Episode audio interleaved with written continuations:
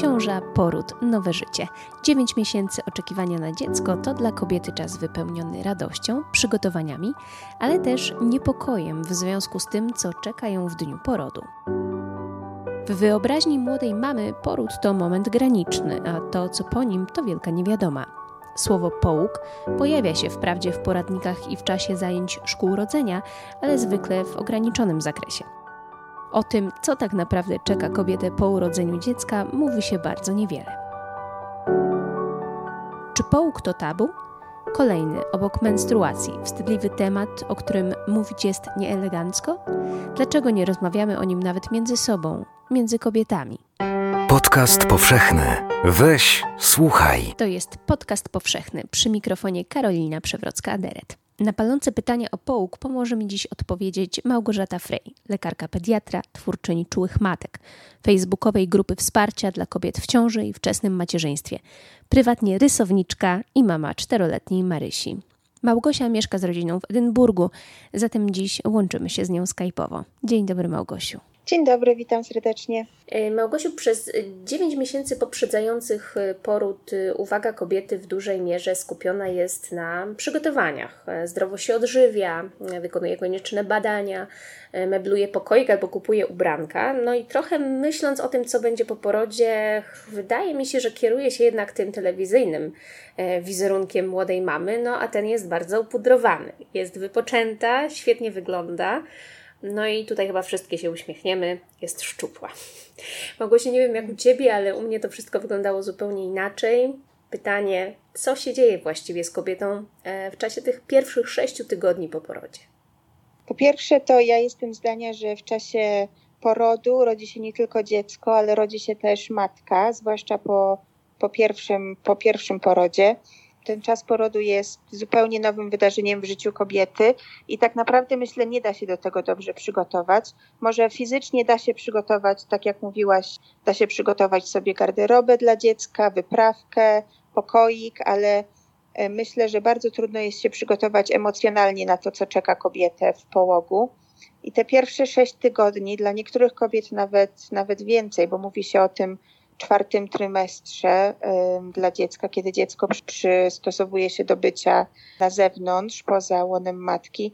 Myślę, że ten czwarty trymestr dla kobiety też jest takim czasem, gdzie no, musi dużo poprzestawiać sobie w głowie, y, nauczyć się tego, że już nie jest tylko ona, tylko jest też dziecko, które w stu procentach zależy od niej. Jest to czas, kiedy uświadamiamy sobie, że życie, które do tej pory wiodłyśmy, już nie będzie takie samo, że już nie można, nie można kliknąć tak jak w komputerze Ctrl Z, żeby, żeby coś cofnąć, tylko jest się już jest się już matką i że to jest takie ostateczne, że to jest już to jest już na zawsze. Jeśli chodzi o fizyczne zmiany, no to wiadomo, że po porodzie ciało kobiety bardzo się zmienia i wiadomo, że macica musi się, musi się skurczyć na nowo, kobieta uczy się karmić piersią, a jeśli nie karmi piersią, to musi przystosować się do, do karmienia dziecka w inny sposób. No w moim przypadku e, ten połóg był na pewno dużo trudniejszy niż i ciąża, i poród nawet. Ten czas wspominam, no szczerze mówiąc, wspominam ten czas tak, że, że przechodzą mi ciarki po plecach. Ale myślę, że to jest moje osobiste doświadczenie i oczywiście nie musi to tak wyglądać, ale w moim przypadku to był bardzo, bardzo trudny czas i fizycznie, i emocjonalnie. Dlatego właśnie, tak jak wspomniałaś o, o mojej grupie Czułe Matki, dlatego, dlatego założyłam właśnie tę grupę, bo ten czas był dla mnie taki trudny. Pomyślałam, że może nie tylko dla mnie jest on e, tak bardzo wymagający, tylko dla większej ilości kobiet. No właśnie, bo przygotowując się do porodu, mam wrażenie, że wiele o nim czytamy, skupiamy się na nim, jesteśmy nim przejęte, mówimy o nim w szkole rodzenia. Natomiast jeśli chodzi o połóg, nie wiem, czy też tak było w Twoim przypadku, mam jakoś mało informacji e, na ten temat, czy może nawet nie dopuszczamy ich do siebie, nie chcemy, e, nie, nie chcemy o tym myśleć, nie rozmawiamy o, o tym połogu z naszymi bliskimi nam kobietami, z mamami czy, czy, czy przyjaciółkami. W szkole rodzenia temat sprowadza się bardzo często do omówienia problemu depresji poporodowej. Na więcej, więcej tematów właściwie już, już nie ma czasu. Jesteśmy bardzo skupione na temacie porodu. No i w pewnym sensie ten temat znika z, z horyzontu, a potem, kiedy już przychodzi na nas czas, jesteśmy nim zupełnie zaskoczone. I stąd moje pytanie, czy połóg to jest tabu, a może zwyczajnie nie chcemy o nim słuchać, dopóki nie przyjdzie na, na nas kolej? Ja sama nie znam, nie znam odpowiedzi na, na to pytanie, ale zastanawiałam się bardzo długo, dlaczego jest tak, że nie rozmawiamy o tym połogu. Czy to jest tak, że, że ten pierwszy połóg jest tak dużym szokiem, że nie chcemy przestraszyć naszych koleżanek, które będą przez to po raz pierwszy przechodzić? Czy uważamy, że może tylko my tak ciężko przeszłyśmy ten czas i że to jest jakieś wstydliwe doświadczenie z tego powodu? Na przykład ja byłam przekonana, że tylko mi jest tak ciężko, że inne mamy sobie świetnie radzą, wychodzą od razu z dzieckiem na zewnątrz, chodzą na spacery, chodzą na różne grupy, spotykają się z innymi mamami, a ja jestem tą osobą, której naprawdę ten połóg tak bardzo, e, bardzo trudno jest przeżyć i wstydziłam się tego, wstydziłam się tego też, więc może inne kobiety też tak to odczuwają, że ten okres wspominają jako trudny, a ich oczekiwania były takie, że będzie to jednak łatwy i E, tak jak mówisz, przedstawiony w, w mediach dużo bardziej pozytywnie niż, niż rzeczywiście e, w rzeczywistości to, to się okazuje, no po prostu okazuje się zupełnie inne niż się tego spodziewały. Ja szczerze mówiąc, po pierwsze nie miałam wiele koleżanek, które były matkami w moim otoczeniu i dlatego nie wiedziałam o tym, jaki jest ten połóg. Z tego, co moja babcia mi mówiła, to y, bardzo tak mnie pocieszała i jak w końcu ciąży było mi już trudno, wiesz, było mi trudno spać, na przykład nie mogłam, nie mogłam spać, trudno było mi się schylać, żeby coś podnieść, a moja babcia mi mówiła, że jak urodzisz, to poczujesz się taka lekka i wszystko będzie już łatwiejsze, więc byle tylko do tego porodu. Więc miałam też takie oczekiwanie, że właśnie to jest ten trudny czas, te ostatnie tygodnie ciąży, a, a po porodzie będzie łatwiej. Myślę, że to było z, z, mojej strony mojej babci to było takie po prostu próba pocieszenia mnie, ale właśnie o tym połogu za wiele nie rozmawiałyśmy, a tak naprawdę po raz pierwszy rozmawiałam o połogu na tej mojej grupie, na, na czułych matkach, kiedy wymieniałyśmy się doświadczeniami z pierwszego tygodnia w domu z dzieckiem i jak to u nas wyglądało. No i okazało się, że te nasze przeżycia były bardzo, bardzo podobne, że wiele z nas po prostu nie wiedziało, co się dzieje z naszym ciałem, wiele rzeczy ich zaskakiwało. Kobiety nie wiedziały na przykład, jak bardzo będą krwawić jeszcze po porodzie, nie wiedziały, jakie to będzie uczucie, kiedy mleko im przyjdzie, ten nawał mleka, jak te piersi będą się czuły. Wiele osób e, doświadczało na przykład wielkiego pocenia się w nocy, że musiały zmieniać piżamę, bo te hormony tak szalały i, i powodowały pocenie się w nocy. Wiem, że na przykład i ja, i, i niektóre inne kobiety miały na przykład takie, może nie drgawki, ale tak czuły się takie roztrzęsione bardzo wewnętrznie i też na zewnątrz to się, to się pokazywało. I dopiero kiedy wszystkie o tym porozmawiałyśmy, okazało się, że to jest nasze wspólne doświadczenie, że tak po prostu zachowuje się ciało kobiety w połogu, a do tej pory nikt nam o tym nie powiedział. I właśnie jest takie poczucie w tej grupie, w której ja y, działam, a jest nas, nas tam prawie 400 kobiet, myślę, że większość z nas ma takie poczucie, dlaczego nikt mi o tym nie powiedział. Mhm. Co jest też bardzo ciekawe i pokazuje skalę tego problemu, jeśli mówisz to ty jako lekarz. To znaczy, że jakby wyparcie tego tematu jest y, jest dramatyczne. No ale też jeszcze wróćmy do jednego tematu bardzo ważnego, o którym wspomniałaś na początku, do tematu depresji y, poporodowej. Wspomniałaś, że nie tylko fizycznie, ale też psychicznie bardzo źle się czułaś w połogu. No i depresji doświadczyłaś na własnej skórze i chciałabym, żebyśmy, żebyśmy opowiedziały o Twojej historii. To było tak, że ja miałam pierwszy mój epizod depresyjny, zanim zaszłam w ciążę, i w ciąży przestałam brać leki ze względu na to, że bałam się, jakie one będą miały efekt na dziecko. Teraz wiem już, że te leki były bezpieczne i że mogłam je kontynuować w ciąży, ale wtedy jakoś nie byłam pod opieką e, specjalisty, tylko pod opieką lekarza rodzinnego i nie było to mi powiedziane, że mogę kontynuować te leki, więc myślę, że to był pierwszy błąd. I po urodzeniu córki miałam niezwykle dużo negatywnych i takich natrętnych myśli bardzo bałam się na przykład, że ją skrzywdzę, co było zupełnie nieracjonalne, dlatego, bo miałam w sobie też dużo miłości do niej i nie jestem agresywną osobą w żadnym wypadku, ale miałam w sobie dużo takiego strachu, że a co jeśli zrobię coś, coś nie tak? Co jeśli na przykład, kiedy stoję na światłach y, i zapomnę włączyć hamulec w wózku i wózek wtoczy się pod samochód? Albo co się stanie, jeśli na przykład spacerowałam wzdłuż takiego kanału tutaj w Edynburgu z wózkiem i bałam się, a co się stanie, jeśli ten wózek wpadnie mi do tej rzeki? Albo co się stanie, jeśli ja go troszkę popchnę i on wpadnie do tej rzeki? Miałam naprawdę wiele bardzo takich natrętnych myśli. Teraz wiem, że część z tych myśli jest po prostu fizjologiczna. Wiele kobiet odczuwa i doświadcza natrętnych myśli, właśnie związanych ze skrzywdzeniem dziecka po porodzie. Z tego, co orientuję się w statystykach, to jest to około 50% kobiet, które doświadcza tego typu myśli. Ale u mnie niestety one rozwinęły się w taką nerwicę natręctw i potem to, to była część, część mojej depresji. No, był, to, był to okropny czas. I myślę też, że po prostu nie, nie otrzymałam pomocy i wsparcia od, e, ze strony medycznej, takiego, jakie powinnam była otrzymać. Sama zgłosiłam się do takiej fundacji, która opiekuje się e, mamami w okresie okołoporodowym i tam zapisałam się na terapię grupową dla mam. I ta terapia była pomocna. I z czasem, w, w tym pierwszym roku życia mojej córki, po prostu bardzo starałam się wychodzić na zewnątrz. Nawiązałam jedną przyjaźń, która z inną mamą, która do tej pory jest dla mnie bardzo ważną przyjaźnią. I po prostu w taki sposób jakoś y, wyszłam, może nie do końca, ale na tyle, że mogłam funkcjonować z tej depresji. No ale niestety to, że była ona niedoleczona, potem wróciło do mnie i miałam bardzo poważny epizod depresyjny kilka lat później, kiedy wróciłam już do mojej pracy y, w medycynie i pracowałam na psychiatrii, a potem pracowałam na oddziale porodowym.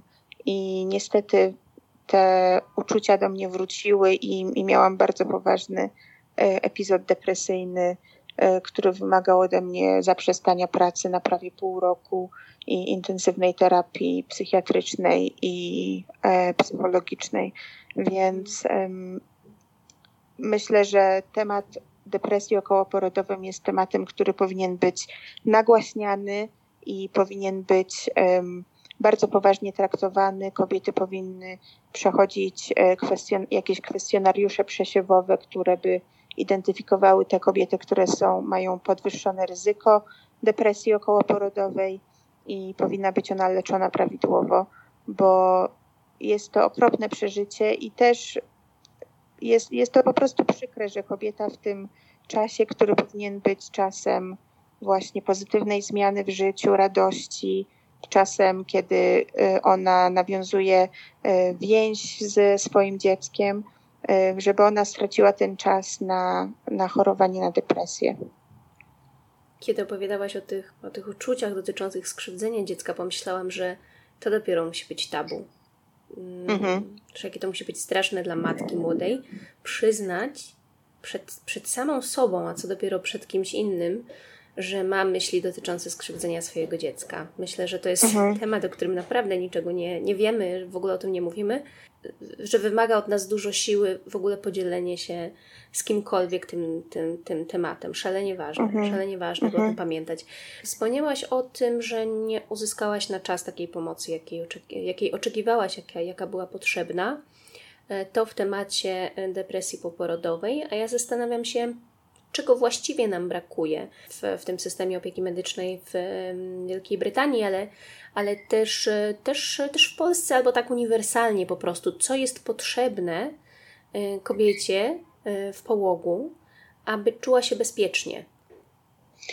Ja myślę, że kobieta w połogu po pierwsze potrzebuje czuć się bezpieczna i zaopiekowana. Myślę, że to są takie dwie, dwie niezwykle ważne sprawy to, żeby czuć się bezpiecznie, wynika z tego, że sam poród jest tak ogromnym wysiłkiem dla organizmu i też takim, ja przynajmniej miałam takie, miałam poczucie zagrożenia, bo zdawałam sobie sprawę ze statystyk i, i tego, że, no, że poród po prostu jest ryzykownym wydarzeniem w życiu.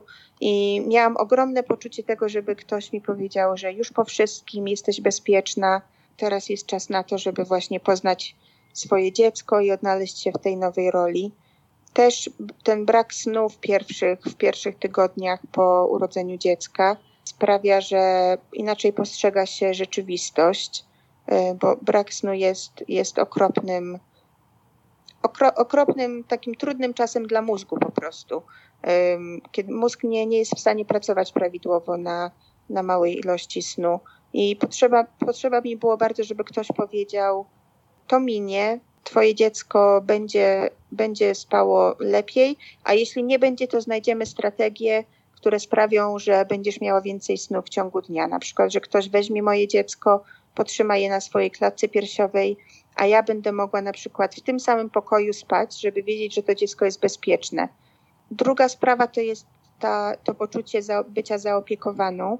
E, w tych pierwszych tygodniach opieki nad noworodkiem e, matka naprawdę wykonuje tyle, tyle zabiegów właśnie opiekuńczych, karmi dziecko czy piersią. Jeśli karmi piersią, to fizycznie, wiesz, produkuje, produkuje pokarm, musi nauczyć się, jak ten pokarm przekazać swojemu dziecku. To dziecko musi się samo nauczyć, jak ten pokarm odpowiednio odbierać.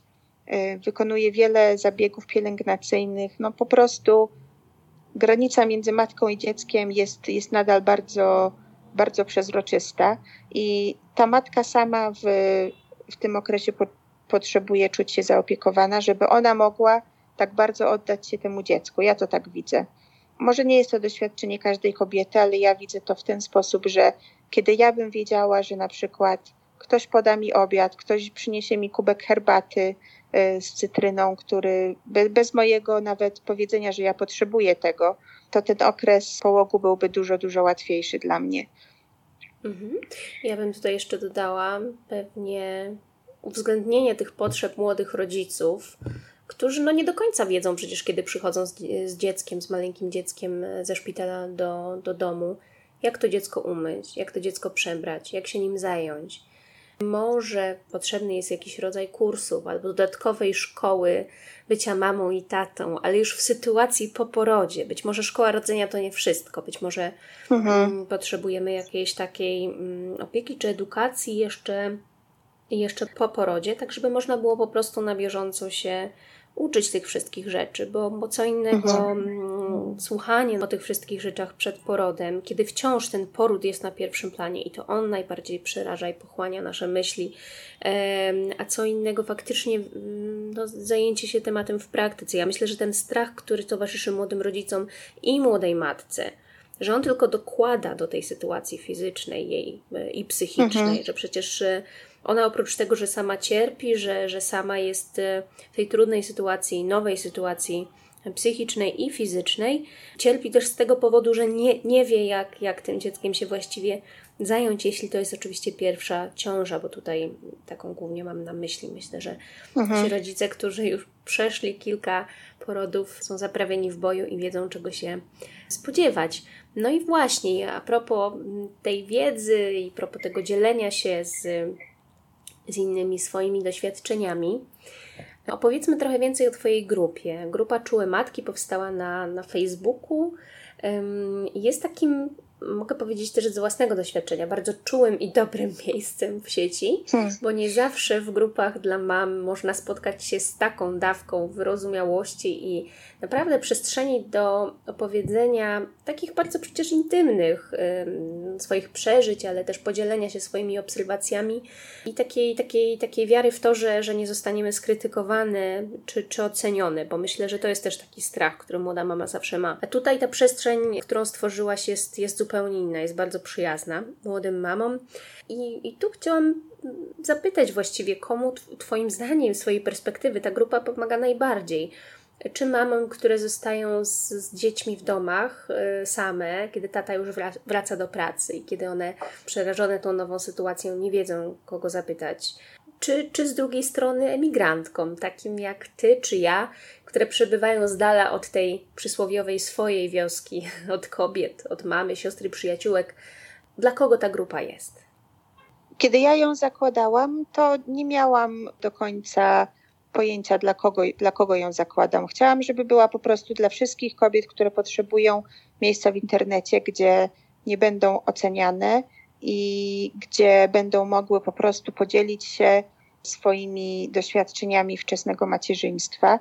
A patrząc na statystyki, kto jest w grupie, to jest tam wiele kobiet, które są na emigracji, to prawda. Jest, jest też wiele kobiet, które na przykład mają więcej niż jedno dziecko i, i chcą porozmawiać na, na tematy swojego wczesnego macierzyństwa. Są też kobiety, które mają starsze dzieci już, ale mają wiele uczuć właśnie związanych z tym wczesnym macierzyństwem i chcą na ten temat porozmawiać. Moja córka ma już 4 lata, a ja nadal bardzo potrzebuję rozmawiać o tych pierwszych y, miesiącach jej życia. Po części z tego powodu, że mam, odczuwam wiele takiego wstydu i poczucia winy, że, że może nie byłam taką mamą na początku, jaką chciałam być i potrzebuję po prostu porozmawiać o tym z innymi kobietami, żeby, żeby dowiedzieć się, że one też tak mają. Ze statystyk, tak jak mówię, jest, jest to grupa i dla kobiet na emigracji, i, i dla kobiet w Polsce. E, nie ukrywam, że jest tam e, wiele moich e, znajomych po prostu, które dołączyły do grupy, bo mnie znały, ale teraz coraz więcej kobiet z innych części internetu też, też przychodzi, z mojego Instagramu, czy kobiety, które właśnie mojego własnego podcastu słuchały, i, bo tam wspominałam o tej grupie. Myślę, że jest wiele podobieństw między byciem kobietą i matką na emigracji, a byciem kobietą i matką, która mieszka, może mieszka w Polsce, ale nadal jest daleko od swojej, od swojej rodziny. Myślę, że to jest bardzo, bardzo podobne, bo ta struktura rodziny jednak bardzo się zmieniła przez ostatnie, nie wiem, może 100 lat i nie mieszkamy, nie mieszkamy aż tak blisko swoich rodzin i w takich bliskich kontaktach z naszymi, z naszymi rodzinami, e, żeby, żeby mieć to poczucie wioski. Teraz czasem też wybieramy sobie naszą wioskę same poprzez nasze kontakty właśnie czy w internecie, czy, czy kontakty na miejscu, kiedy y, mieszkamy na emigracji, ale nie jest to tak, że musimy tę wioskę same sobie zbudować, a nie jest ona czymś, y, nie jest ona takim gwarantem. Więc myślę, że taka grupa może być po części częścią takiej wioski właśnie, może być wsparciem dla, dla kobiet, może być miejscem, gdzie na przykład zalogują się rano, Y, żeby wypić kawę sobie i porozmawiać z, z innymi kobietami. Taki był właśnie mój zamysł. Wiele kobiet, z którymi rozmawiam, y, mówi o tym, że na przykład nie chciało prosić o pomoc, zapraszało gości tylko po, po którymś tam miesiącu od porodu, bo przecież trzeba było posprzątać cały dom i przygotować go do tego, aż pojawią się goście. Narzucało sobie obowiązki pranie, gotowanie, sprzątanie, nie prosiło o pomoc bo bało się oceny albo bało się tego, że w jakiś sposób będą odstawały od tego wizerunku matki, Polki, która daje z siebie wszystko, jednocześnie jest perfekcyjną żoną, perfekcyjną mamą, ma uprasowane ubranka złożone w kostkę, ugotowany obiad i jeszcze do tego sama świetnie wygląda. Co się takiego dzieje z nami, że nie potrafimy sobie dać takiego spokoju? Nie wiem, nie wiem tak naprawdę, dlaczego jesteśmy, jesteśmy dla siebie bardzo surowe i bardzo wymagające jako kobiety i jako matki. Myślę, że może jest to po części to poczucie odpowiedzialności za życie, za życie tego dziecka, że chcemy dla niego jak najlepiej i chcemy być dla tych dzieci najlepszą wersją siebie i dlatego może jesteśmy dla siebie takie surowe. Bardzo szybko przeszło mi to poczucie, że muszę być perfekcyjna pod każdym względem i po prostu zastanowiłam się, co jest dla mnie priorytetem w moim rodzicielstwie. Czy moim priorytetem jest to, y, jak będzie dom wyglądał, jakie zabawki będzie miało moje dziecko, czy będzie ubrane w najpiękniejsze ubrania, takie jak widzę na zdjęciach y, z Instagramu, y, czy, czy priorytetem jest dla mnie na przykład więź, którą będę miała z moją córką. I bardzo szybko um, zorientowałam się, że jednak dla mnie priorytetem jest właśnie ta więź i po prostu odpuściłam te rzeczy, które nie prowadziły mnie do zbudowania tej najlepszej więzi z moim dzieckiem. Ale myślę, że, że to poczucie bycia perfekcjonistką wychodzi z tego, że chcemy być najlepszą wersją siebie dla naszych dzieci. I też troszkę z tego, jak macierzyństwo jest portretowane przez media społecznościowe, przez seriale, przez reklamy. To wszystko wpływa na nasze, nasze poczucie, jak to powinno wyglądać jesteśmy w tym wszystkim takie zagubione, że nie mamy nawet, nie mamy nawet czasu, żeby pomyśleć, co tak naprawdę jest ważne dla mnie. Myślę, że to jest bardzo ważne, żeby zadać sobie takie pytanie, jaką matką chcę być, co jest dla mnie ważne w moim macierzyństwie, co sprawi, że ja i moja rodzina będziemy szczęśliwi. Nasze, nasze dni e, spędzać w ten sposób, który będzie odpowiadał właśnie tym naszym wartościom. I też chyba dać, dać sobie taką przestrzeń do przeżycia dobrze tego połogu, do tego, żeby być mhm. słabą, zmęczoną, do tego, żeby dłużej pospać, do tego, żeby trochę popłakać, bo na pewno są też takie momenty, ale pozwolić sobie i dać sobie przestrzeń na to wszystko i powiedzieć, to jest okej, okay, to jest mhm. taki czas i on minie. Kobiety po, po, kolejnych ciążach zapewniają z kolei, że, że połóg można przeżyć pięknie, że to nie jest tak, że że w połogu jesteśmy skazane na to wszystko. Na tą krew i na ten ból i na ten smutek i na tą euforię. Wszystko pomieszane razem. Ale że również może to być czas nie tyle nawet zdziwienia, ile zachwytu nad własnym ciałem, nad tym, ile ono potrafi, nad relacją, która się nawiązuje między matką i dzieckiem, nad relacją z partnerem w tym wyjątkowym czasie, gdy ta rodzina się powiększa. Jak dobrze przeżyć połóg? co możemy dla siebie zrobić, żeby, żeby on był lepszy, żeby on był po prostu dobrym przeżyciem. Skupiłabym się właśnie na tym zachwycie nad tym noworodkiem, zachwycie nad swoim ciałem, na relacjach z partnerem, czy na relacjach z, z moim starszym dzieckiem, żeby poczuło się też włączone w tą wielką zmianę, jaka naszła, nadeszła w rodzinie. Myślę, że byłabym dużo bardziej łagodna dla samej siebie, tak jak mówisz, pozwoliła sobie czuć to, co czuje, po prostu nazwała te emocje i uczucia i po prostu z nimi była, zamiast myśleć o tym, co powinnam czuć. Myślę, że właśnie łagodność dla siebie samej to jest takie kluczowe, kluczowe słowo, jeśli chodzi o połóg. A jeśli chodzi o praktyczne przygotowanie, to po prostu prosiłabym o pomoc dużo wcześniej i, i dużo bardziej konkretnie. Po prostu powiedziałabym tym osobom, które są w stanie zaoferować mi pomoc, czego potrzebuję. Przygotowałabym sobie jedzenie wcześniej do zamrażarki, żeby mieć, e, żeby mieć obiady ugotowane, albo poprosiłabym mamy czy moją teściową o to, żeby przyjechały wcześniej i, i pomogły z takimi praktycznymi rzeczami w domu. E, skupiłabym się na śnie bardziej. Myślę, że starałabym się więcej spać w ciągu dnia i odsypiać, odsypiać, żeby mieć, mieć więcej siły na noce. Myślę, że myślę, że w ten sposób bym do tego podeszła. Że skupiłabym się i na emocjonalnych i wewnętrznych potrzebach mnie, dziecka i innych członków rodziny i na, i na tych praktycznych. I podeszłabym do tego z dużo większą łagodnością i z dużo mniejszą oceną. Hmm. I tutaj z pewnością jeszcze nie wyczerpujemy tego tematu, bo więcej informacji na temat połogu i inspirujących głosów kobiet znajdziecie Państwo w artykule w najnowszym numerze Tygodnika Powszechnego. Serdecznie zachęcamy do lektury. A naszym gościem była Małgorzata Frey, lekarka, pediatra, twórczyni internetowej grupy wsparcia dla kobiet w ciąży, połogu i wczesnym macierzyństwie, artystka i mama. Do usłyszenia w kolejnym podcaście powszechnym. Dziękujemy za wysłuchanie. Weź, słuchaj, czyli podcast powszechny. Narodziny Matki to tytuł tekstu Karoliny Przewrockiej-Aderet w najnowszym numerze Tygodnika Powszechnego. O połogu i o tym, dlaczego o trudach tego stanu mówi się tak mało. W numerze także rozmowa Katarzyny Kubisiowskiej z psycholożką Marleną Trąbińską-Haduch, specjalizującą się we wspieraniu rodzin z najmłodszymi dziećmi. Muzyka Rafael Crooks, Emotional, Film Music Jeśli słuchają nas Państwo w Spotify albo w Apple Podcast, zasubskrybujcie nasz kanał. Jesteśmy też w Google Podcast i w aplikacji Lekton oraz na www.tygodnikpowszechny.pl/podcast.